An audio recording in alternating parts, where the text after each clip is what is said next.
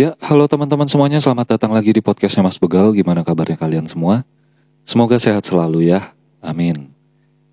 Nah, uh, sebelum memulai ke topiknya, mungkin di antara kalian semua udah ada yang dengar bahwa pemerintah sempat, bukan pemerintah sih, lebih tepatnya uh, Menkes yang baru itu mengeluarkan uh, surat atau pemberitahuan di mana tanggal 11 besok kita akan dilakukan PSBB lagi. Di mana PSBB ini lebih diperketat daripada yang sebelumnya. Dan alhasil kantor-kantor hanya bisa masuk sebesar 25%. Ya, semoga langkah ini menjadi langkah yang baik buat kita semua dan ya yang jelas nggak nggak apa ya nggak mengganggu lah nggak mengganggu produktivitas. Itu juga perjalanan ekonomi juga masih tetap lancar. Dan ya yang jelas karena sekarang angkanya semakin bertambah dan sepertinya semakin dekat ke lingkungan kita jadi ya semoga nggak nggak nggak nambah nggak nambah parah lah intinya gitu. Dan ya kita berdoa yang terbaik aja. Uh, semoga pemerintah juga dapat menanggapi hal-hal ini dengan baik, dapat menjalankan semuanya dengan baik, dan ya mungkin buat kita yang gue nggak bisa kerja di rumah, gue harus kerja di kantor atau gue harus kerja di luar dan lain sebagainya. Bersabar saja karena gue sendiri pun juga sebenarnya kalau misalkan bisa kerja di rumah, gue lebih memilih untuk kerja di rumah daripada gue harus menghabiskan waktu di jalan dan ke kantor gitu. Toh lagi pula juga kalau misalkan dalam tanda kutip ya, ini karena situasi seperti ini, uh, ketika gue bisa apa ya ngomong kasarnya, mengerjakan semuanya di rumah, ya gue akan lebih memilih untuk mengerjakan semuanya di rumah. Telepon klien misalkan, kalau misalkan memang gak ada berkas yang penting-penting banget untuk bukan nggak penting. Berkas dari klien gue pasti penting tapi maksudnya kalau nggak penting-penting banget kayak misalkan mau ngasih dokumen atau apa ya udah gitu loh. Mending gak usah ketemu. Mungkin dokumen juga bisa digojekin.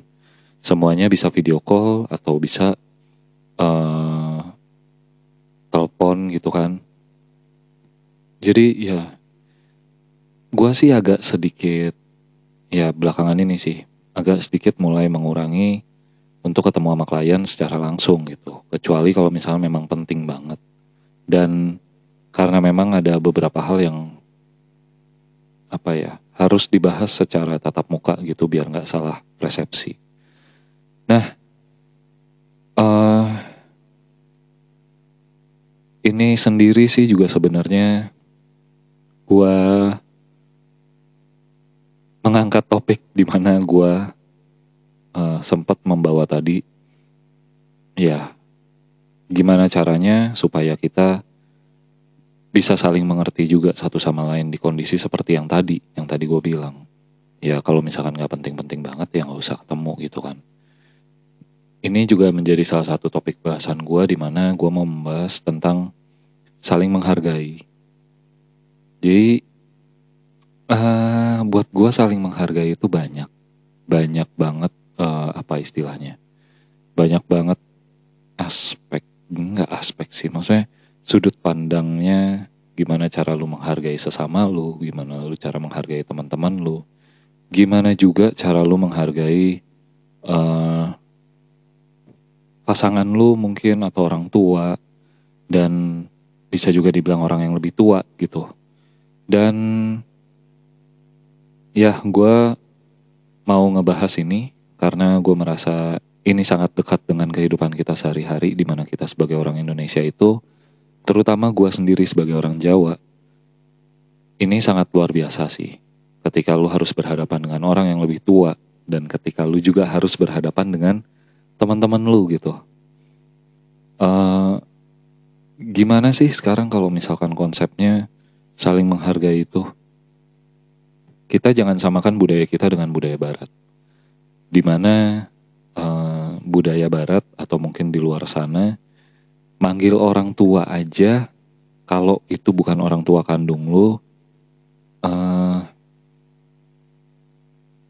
banyak banget kayaknya yang nggak pakai mungkin bisa dibilang dad or mom or whatever mungkin juga ke tante lu atau mungkin ke kakak lu ke ya ke kakak sih paling gampang kelihatan gitu ya kalau kita di Indonesia sudah terbiasa menggunakan panggilan Kak, Bang, Mas, Cici, uh, atau mungkin apa, uh, Mbak, dan lain sebagainya lah. Banyak banget karena gue nggak bisa menyebutkan satu-satu dari berbagai macam daerah.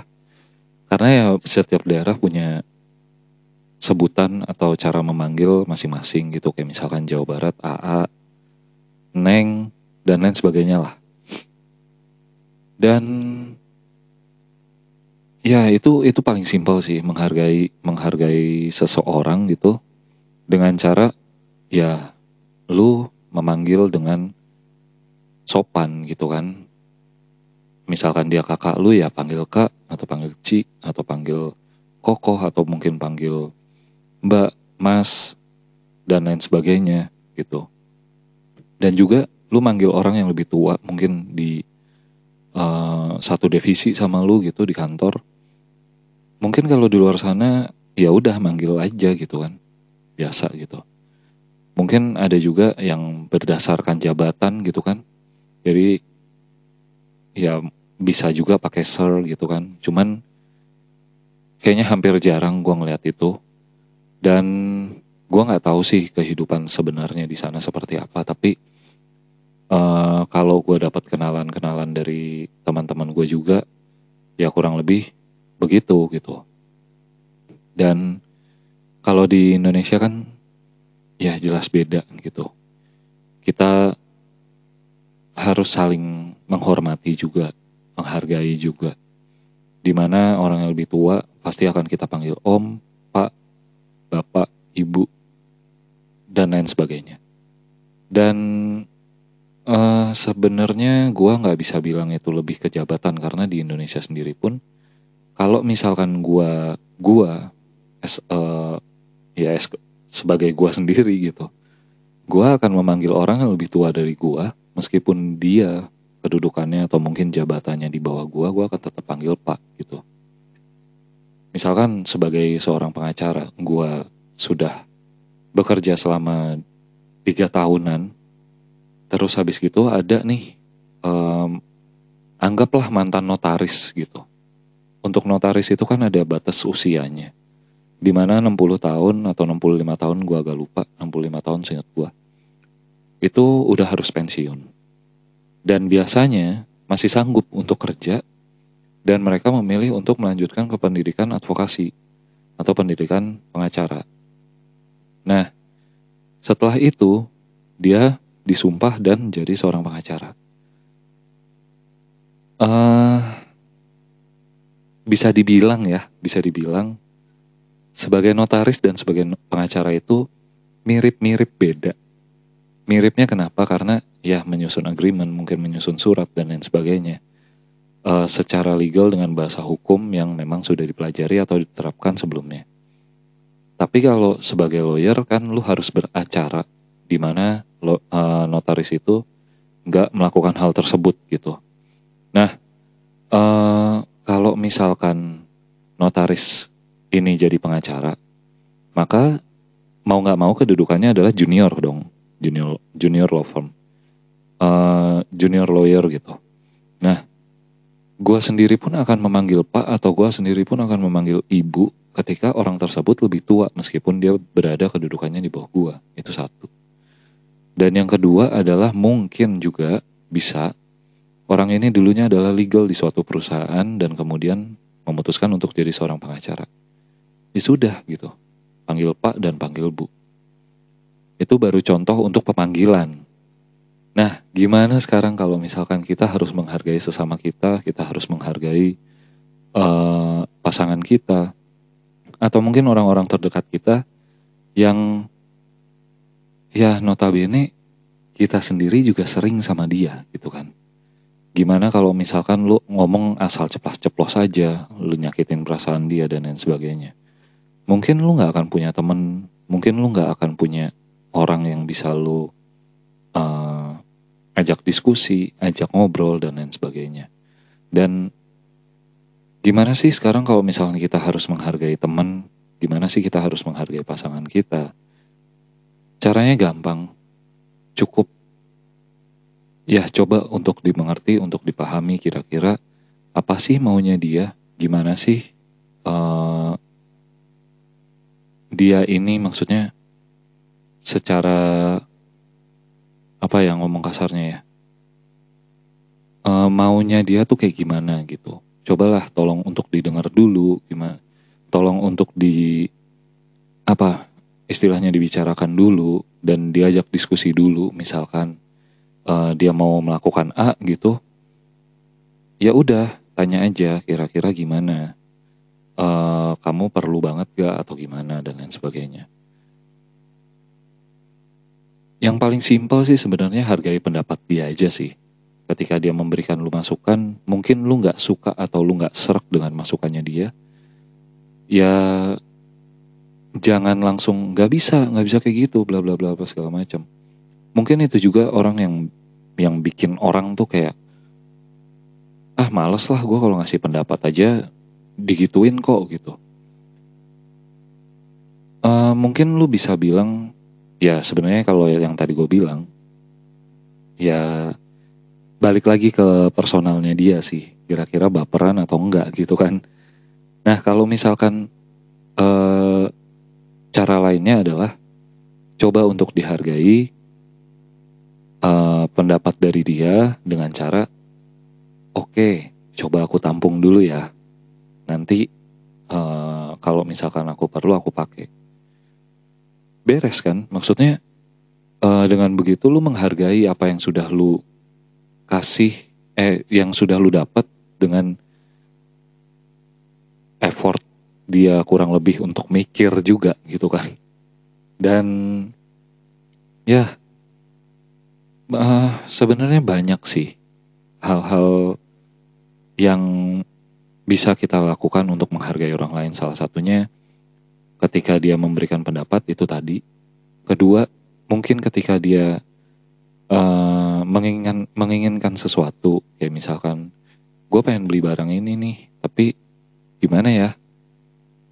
Ya jangan dibilang ngapain lu beli gituan jelek begitu. Mungkin mungkin suatu hari nanti dia nggak akan minta pendapat lu lagi ya lu jangan heran gitu ketika lu kasih masukan ketika lu kasih uh, sesuatu sebenarnya jangan berharap untuk didengarkan. Tapi uh, jangan berharap juga untuk ngomong terima kasih uh, balasan terima kasih dan lain sebagainya. Tapi lebih ke arah kayak oh paling enggak gue udah bantuin dia kok. Urusan dia mau ikutin apa enggak ya itu urusan dia. Mungkin kalau itu gue karena gue juga sering melakukan hal tersebut. Ngasih masukan ke orang ngasih saran ke orang mau diikutin apa enggak itu terserah lu. Yang jelas gue udah ngasih tahu gue udah ngikatin urusan mau lu ingat-ingat itu juga terserah lu. Mau lu terapkan suatu hari nanti itu juga terserah lu. Tapi ya gitu maksudnya uh, paling tidak dihargailah. Mungkin bisa juga gue bilang menghargai dengan cara uh, apa ya, memberikan sebuah apresiasi terhadap pekerjaan orang lain. Misalkan partner kerja lu, partner kerja kerja lu sudah membuat uh, suatu pekerjaan yang mungkin buat lu sendiri kok kayak gini sih memang jadinya agak aneh gitu kan.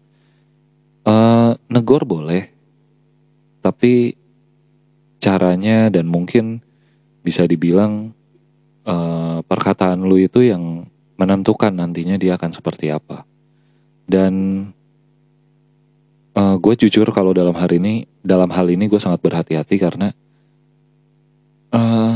nggak uh, tahu ya orang Indonesia tuh kadang suka banyak banget yang aduh bisa dibilang baperan sih maksudnya ketika lu, lu udah digituin banyak yang akan merasa bagus udah gue bantuin. Ngoceh-ngoceh lu bla bla bla dan lain sebagainya. Mungkin sesekali lu boleh lah untuk ngomong kayak gitu karena jenuh atau mungkin karena ah kerja gue kayaknya sia-sia gitu. Bolehlah sesekali tapi gue rasa kalau untuk mengeluh terus-terusan itu pun juga nggak bagus buat diri sendiri gitu. Jadi ya buat kita yang menerima masukan atau apa segala macam ya balik lagi lu hargain juga gitu kan. Ketika lu mau minta uh, pekerjaan lu untuk dihargai atau sesuatu hal yang sudah lu lakukan pengen dihargai ya lu salah satu caranya adalah dengan menghargai orang lain terlebih dahulu. Ya as simple as that sih maksudnya. Masa lu mau ngasih seseorang uh, tapi lu nunggu dikasih gitu loh? Ya enggak dong ya lu harus menghargai orang dulu baru lu nantinya akan di, dihargai gitu uh, sama halnya kayak yang sering terjadi di Indonesia dan ini menurut gue cara menghargai yang agak sedikit salah sih. Di mana kita ini sangat gampang banget untuk membanding-bandingkan uh, suatu suku, suatu ras, suatu agama, uh, dan mencoba untuk mencari kejelekannya. Mungkin karena bisa dibilang sakit hati, uh, terhadap suatu agama, hmm, gue nggak bisa bilang agama, kita nggak usah bawa agama di sini ya, bahaya bos. terhadap suku tertentu gitu, uh, anggaplah gue nggak suka nih sama orang yang sukunya kayak gini nih. Kenapa? Misalkan orangnya keras, pala batu dan lain sebagainya. Uh, nggak bisa dibilang kayak gitu juga sih, karena ya balik lagi ke orangnya sih. Kalau yang kayak gitu-gitu biasanya tergantung gimana cara orang tua ngedidik. Bukan gimana cara uh, apa ya istilahnya ya. Bukan cara secara adat gitu bukan sih maksudnya gini sekarang misalkan misalkan ya gue kasih contohnya adalah ada orang mana nih misalkan uh, anggaplah orang Medan gitu ya, yang ngomongnya agak ceplas-ceplos dan lain sebagainya. Tapi uh, si istri atau si suami ini adalah orang Jawa misalkan. Belum tentu kok anaknya akan jadi keras juga. Bisa jadi malah dia lebih menerapkan uh, adat Jawanya ketimbang logat Medannya gitu loh. Di mana yang ngomongnya tuh keras di mana ngomongnya tuh kayak orang ngebentak gitu. Karena gue sendiri juga punya teman orang Medan. Dan ya memang gitu gitu. Maksudnya ya udah gue maklumin aja. Karena memang apa ya sifatnya dan uh, bisa dibilang karena memang faktor keluarganya memang udah seperti itu gitu. Jadi ya menghargai perbedaan itu juga sangat penting gitu kan. Cuman gue di sini nggak mau terlalu bahas banyak mengenai perbedaan karena ya harusnya kita sendiri udah dewasa dan kita sendiri juga udah harus mikir gitu kan. Buat apa sih ngebanding-bandingin? Apalagi ketika udah nggak suka sama orang habis itu bawa-bawa suku bawa-bawa agama dan lain sebagainya gitu. Mungkin uh, ketidaksukaan kita terhadap suatu agama terhadap suatu suku sudah biasa karena kita mencari celah untuk istilahnya apa ya gue nggak bilang menghina sih tapi lebih ke arah uh, bentar gue cari dulu kata-katanya nih. Uh, lebih ke arah untuk mencoba menonjolkan diri sendiri misalkan gue sebagai agama A dan orang ini sebagai agama B Terus gue bilang ketika dia melakukan hal yang jelek, gue bilang, ya itu lihat aja tuh orang agamanya yang ngajarinnya kayak begitu. banyak banget orang yang ngomong kayak gitu banyak banget dan tanpa kita sadari mungkin kita juga pernah melakukan hal tersebut gua sendiri uh, bukan menghina tapi lebih ke arah gimana ya uh, mencoba untuk membandingkan gitu loh antara agama A, agama B, agama C, agama D gitu. Meskipun sebenarnya setelah dilihat lagi ya cara mengajarnya sama, uh, yang disampaikan sama, terus habis gitu apa ya uh, istilahnya hal-hal yang dilakukan hal-hal baik yang dilakukan pun juga sama gitu ya kayak misalkan kita nyumbang ke panti asuhan atau bisa dibilang sedekah atau mungkin bisa dibilang uh, bakti sosial dan lain sebagainya, menolong orang dan lain sebagainya. Ya sama-sama aja gitu. Sekarang coba lihat teman-teman kita yang bekerja sebagai tenaga medis. Apakah ketika dia jatuh sakit, tiba-tiba ada satu perawat datang dan Perawat itu nanya, agamanya apa? Gak ada kan? Kita di sini tuh benar-benar ya itu sih maksudnya refleksi gue adalah kita di sini ya gak usah memandang seseorang untuk ditolong gitu. Misalkan gue sendiri ada klien gue datang gitu, uh, tiba-tiba dia beragama anggaplah Buddha, terus habis gitu uh, eh, gue akan nanya gitu agama lu apa? Agama gue ini. Wah kalau agama lu ini gue kayaknya agak berat deh untuk nanganin kasus lu dan lain sebagainya. Enggak. Enggak kayak gitu. Di mana di mana klien datang butuh pertolongan di segi hukum ya gue akan bantu sebisa gue gue nggak akan menjanjikan apa pun. Ya meskipun banyaklah faktor-faktor ABC-nya tapi gue nggak akan menjanjikan apa pun. Menang kalahnya itu gue nggak bisa bilang itu ke Tuhan. Karena yang menentukan menang kalah di pengadilan itu bukan Tuhan tapi hakim jadi ya cuma nasibnya ditentukan sama Tuhan gitu maksudnya. Jadi ya gue sendiri gue nggak akan menanyakan hal tersebut. Itu salah satu hal yang ya gue sendiri pun juga dalam pergaulan juga begitu. Maksudnya gue nggak akan menanyakan agama lu apa. Mungkin malah ketika gue pernah punya temen beragama muslim nongkrong bareng dari sore sampai malam main bareng gitu waktu zaman SMA bahkan sampai sekarang gue masih kadang beberapa kali sih nggak nggak nggak nggak sering banget nggak intens banget tapi kayak sebulan sekali gitu nanya kabar dan lain sebagainya. Dulu kalau gue main sama dia pun gue juga kadang suka, gue Jumat nih Jumat nih. Kadang malah gue sengaja gitu maksudnya ketika libur sekolah uh, hari Jumat gitu misalkan gue lagi pergi keluar gue belaga alasan gitu ketika teman gue yang muslim ini nanya. Misalkan jam 10 atau jam 11 siang gitu gue akan ya misalkan dia nanya gitu lagi di mana? Lagi tongkrongan nggak? gitu. Pasti gue akan jawab dengan wah nanti siang dang.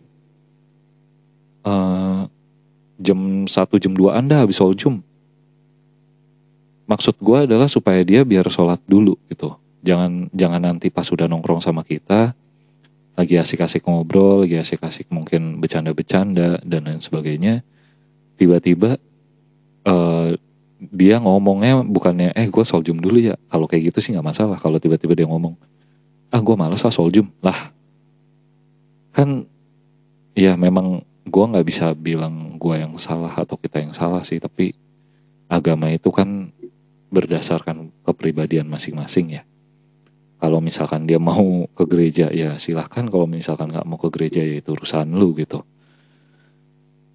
Uh, sholat Jumat pun juga begitu gitu kan. Itu kan kewajiban lu. Dan cuman gue mencoba untuk gue bukan gue gimana ya ngomongnya? Gue agak susah untuk mengingatkan orang karena gue takutnya dia nggak suka dengan cara seperti itu gitu. Jadi gue akan selalu bilang ya begitu dengan cara seperti itu dan mungkin gue pernah sekali gue negor gue gue gue bilang gini e, lu nggak soljum kan sekarang uh, udah mau soljum gitu misalkan. Uh, gue sempat negornya gini sih. Yang gue tahu adalah uh, seorang muslim. Ini koreksi kalau salah ya dan mohon maaf juga karena gue bukan muslim kebetulan tapi yang gue tahu seperti ini. Nggak boleh lebih dari tiga kali atau dua kali gue lupa melewatkan sholat jumat.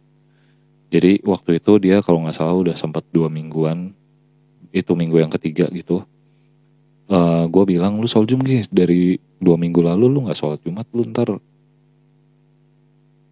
gue ngeledeknya sih gue bilang ntar di kafir lu gue bilang gitu. Terus habis gitu ya dia ngomong sih maksudnya males gue gal. Ya lu jangan gitulah. Lu uh, soljum soljum aja. Nggak kita maksudnya kita masih di tongkrongan kok. Gak bakal ke mana-mana. Kalau udah selesai lu balik lagi ke sini gitu. Toh sholat jumat juga cuma 30 menit 45 menit gitu kan. Dan ya maksud gue apa salahnya lu menyerahkan 30 menit 40 menit itu gitu. Dan setelah itu lu baru balik lagi nongkrong sama kita. Uh, setelah itu sih memang dia pergi. Setelah itu sih memang dia pergi tapi gue nggak tahu bener dia pergi soljum apa enggak. Ya itu balik lagi ke personalnya masing-masing. Cuma ya paling enggak menghargai dari segi suku agama dan lain sebagainya ya dengan cara seperti itu gitu. Ketika mungkin lu menghargai temen lu di mana lu tahu uh, dia ini orangnya seperti apa ya lu harus bisa menyampaikan dengan cara yang baik mungkin atau mungkin dengan cara yang jangan sampai jangan sampai meng, menyakiti perasaannya dia juga gitu. Uh, ya banyak banget lah, terutama buat ke orang terdekat kita. Mungkin yang punya pacar ya punya cara menghargainya masing-masing. Ya misalkan kayak uh, ketika lu mau pergi ke mana, atau mungkin ketika dia butuh waktu sendiri, atau mungkin ketika dia lagi ngomel-ngomel lu coba untuk mengerti dia. Lu coba untuk tanya kenapa? Kalau misalkan dia nggak mau jawab ya sudah gitu loh. Kalau misalkan dia mungkin merasa oh gue bisa atasin sendiri kok ya udah gitu kan. Cuma maksudnya ya balik lagi mau gimana pun caranya uh, intinya menghargai seseorang itu atau menghargai orang lain itu harus dimulai dengan lu menghargai orang lain dulu baru lu akan dihargai juga sama orang. Intinya sih gitu sih. Jadi ya nggak usah mengharapkan imbalan apa-apa ketika lu juga membantu orang lain dan ya kurang lebih sih kayak gitu. Banyak banget sebenarnya cara-cara untuk menghargai orang lain tergantung balik lagi ke diri kita masing-masing, personal kita masing-masing. Kalau itu meng, kalau lu menganggap apa yang sudah lu lakukan itu dengan cara menghargai orang lain, ya sudah gitu. Tapi kalau bukan, hmm, uh, ya coba untuk belajar lagi lah. gue mengajak kalian semua untuk istilahnya semakin ke sini semakin dewasa juga. Jadi uh, eh, gue nggak tahu sih karena gimana ya, gue agak berpikir buat gue pribadi kayaknya buat main game gitu itu udah bukan ranah gue lagi sih mungkin kalau gue untuk mengoleksi suatu barang ya udahlah gitu. Sehobi gitu kan. Tapi kalau untuk pergi ke mana hanya untuk main atau ke mana dan habis itu main gue sih agak kurang bisa melakukan hal tersebut gitu. Karena ya meskipun ada banyak game yang gue download di HP gue juga uh, nggak semuanya gue mainin setiap hari gitu bukan nggak semuanya malah semuanya nggak gue mainin tiap hari.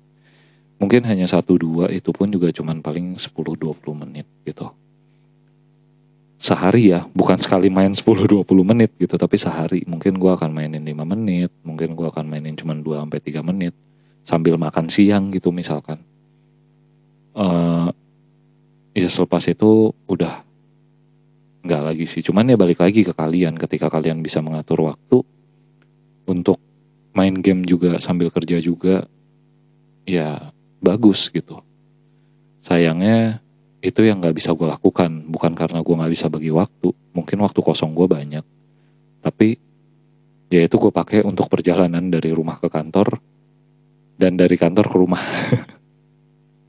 Atau mungkin dari kantor ketemu klien atau mungkin dari kantor ketemu ke mana lagi ke tempat apa lagi. Jadi ya semoga semakin ke sini semakin dewasa karena kita sudah tahu kita sudah memasuki tahun yang baru 2021 di mana ya kebiasaan-kebiasaan jelek kita udah kita buang kemarin dan kita mulai lagi dari yang pertama. Jadi ya paling kayak gitu dulu lah kita coba untuk belajar saling menghargai satu sama lain dan uh, ketika lu bisa mencoba untuk menghargai seseorang, uh, eh, gue rasa nilai jual lu atau dalam tanda kutip harga diri lu akan jauh lebih mahal.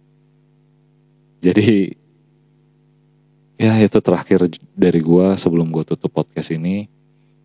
Dan sebelum gue tutup juga pesan-pesan gue adalah uh, vaksin sudah ada di Indonesia. Kita tinggal tunggu waktu kapan dan apakah kita bisa menerima atau enggak. Dan kemudian ya semoga saja, semoga saja setelahnya menjadi baik. Semua yang dilakukan adalah baik dan semuanya menjadi baik. Kembali normal dan kembali seperti sebagaimana seharusnya. Dan selama kita menunggu buat teman-teman mungkin yang WFH semangat gue tahu kerja di rumah itu memang gak enak tapi kadang gak berlaku untuk gue uh, gue malah lebih memilih untuk kerja di rumah ketika gue bisa kerja di rumah daripada gue harus kerja di kantor karena gue merasa kayak kalau kerja di kantor tuh kayak apa ya? Uh, mengejar waktunya agak repot. Karena ketika gue bisa kerja di rumah gue bisa melakukan ya bisa dibilang multitasking dengan beberapa hal gitu. Salah satunya mungkin gue video call sama klien atau mungkin gue telepon klien gitu uh, sambil membicarakan langkah-langkah atau mungkin tindakan-tindakan yang akan gue lakukan selanjutnya. Dan mungkin juga mendiskusikan surat yang gue buat atau mungkin gugatan dan lain sebagainya. Jadi kadang kalau gue datang ke klien eh kadang gue kalau kadang kalau gue ke kantor kadang klien minta ketemu gitu soalnya.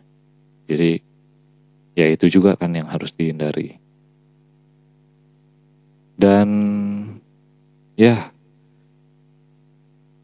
pesannya terakhir cuma satu ikuti protokol yang ada sampai kita mungkin nanti akan dikasih vaksin yang ya semoga aja bagus.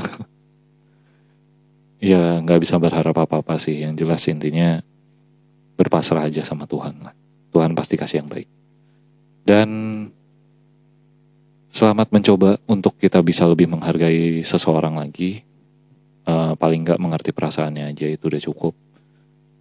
Karena itu juga sudah terhitung sebagai lu menghargai seseorang ya.